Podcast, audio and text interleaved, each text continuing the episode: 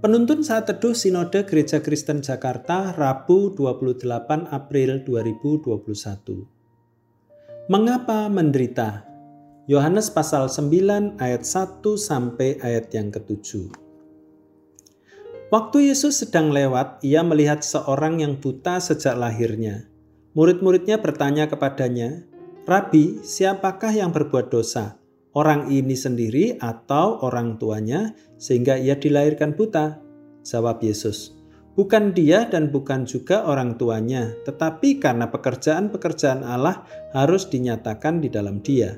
Kita harus mengerjakan pekerjaan dia yang mengutus aku. Selama masih siang akan datang malam di mana tidak ada seorang pun yang dapat bekerja. Selama aku di dalam dunia, akulah terang dunia. Setelah ia mengatakan semuanya itu, ia meludah ke tanah dan mengaduk ludahnya itu dengan tanah, lalu mengoleskannya pada mata orang buta tadi, dan berkata kepadanya, "Pergilah, basuhlah dirimu dalam kolam Siloam." Siloam artinya yang diutus. Maka pergilah orang itu, ia membasuh dirinya, lalu kembali dengan matanya sudah melek. Hanya beberapa hari setelah penembakan di sekolah Newton pada Desember 2012, Maureen Down memberi judul tulisan di New York Times pada tanggal 25 Desember, Why God? Terjemahannya, mengapa Tuhan? Di mana Tuhan saat peristiwa itu terjadi? Mungkin dalam kehidupan yang sulit ini kita juga sering bertanya, mengapa Tuhan? Kemudian kita berusaha mencari jawaban, akan penderitaan yang terjadi.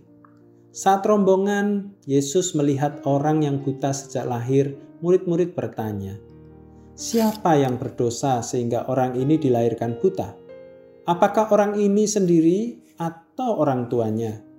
Mereka mengira bahwa penderitaan yang dialami orang buta itu adalah karena dosanya maupun orang tuanya. Mereka seperti mencari kambing hitam atas persoalan atau penderitaan yang sedang terjadi.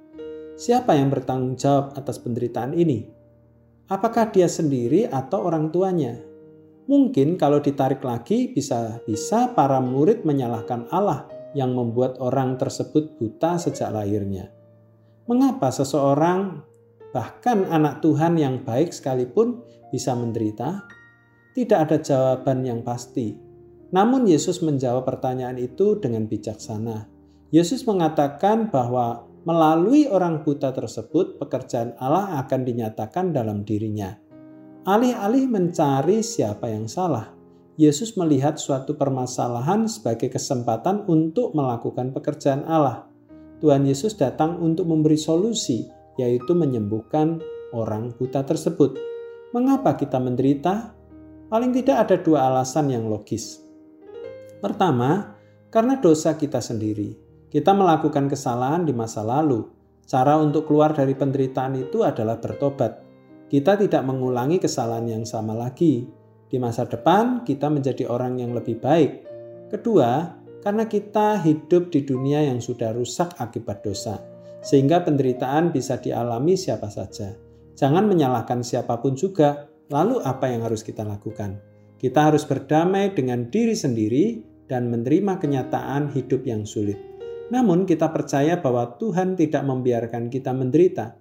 Ia menyusun rencana yang jauh lebih baik dari yang kita bayangkan. Biarkan waktu yang menjawabnya. Penderitaan karena mengikut Kristus pasti menyatakan kemuliaan Allah. Tuhan Yesus memberkati.